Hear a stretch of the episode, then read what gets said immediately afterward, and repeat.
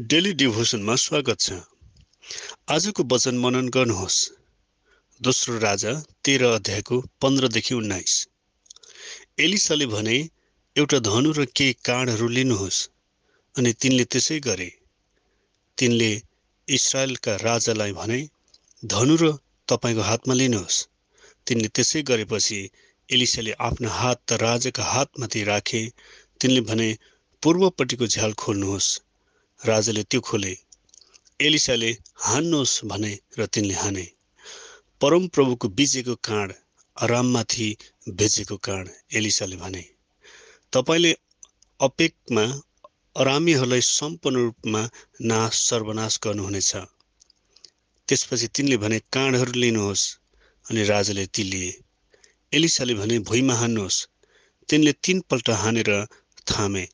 परमेश्वरका जनले तिनीसँग क्रोधित भएर तिनलाई भने तपाईँले त भुइँमा पाँचपल्ट हान्नुपर्ने थियो तब पो तपाईँले अरामीहरूलाई जित्नुहुने थियो र त्यसलाई सम्पूर्ण रूपमा सर्वनाश गर्नुहुने थियो। तर अब तपाईँले अरामीहरूलाई तिनपल्ट मात्र परास्त गर्नुहुनेछ। अब एलिसा जीवनको अन्तिम दिनहरूमा बाँच थिए। यहुदाका राजा तिनलाई भेट्न गएर सहायताको निम्ति बिन्ती गरे।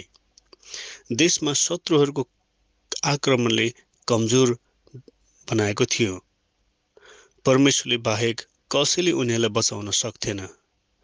राजालाई अगमभक्तले धनु हातमा लिएर पूर्वतर्फ अर्थात् अरामीहरूको दिशातर्फ हान्न भने फेरि भुइँमा हान्न भने तर राजाले पाँचवटा काँडमध्ये तिनवटा मात्र हानेर बिसाए।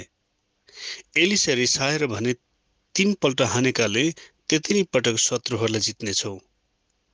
धनु चाहिँ हाम्रो बल र शक्ति हो जो परमेश्वरले दिनुहुन्छ।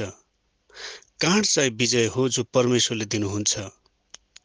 तर यहाँ अगमभक्तले भनेअनुसार नगरेर राजाले विश्वासमा कमजोर देखाए। अब तिनले सधैँका निम्ति होइन तिनपल्ट मात्र शत्रुहरूलाई जित्ने थिए। आज तपाईँलाई पनि परमेश्वरले बल र शक्ति दिँदै हुनुहुन्छ। पवित्र आत्माले शक्ति दिनुहुन्छ।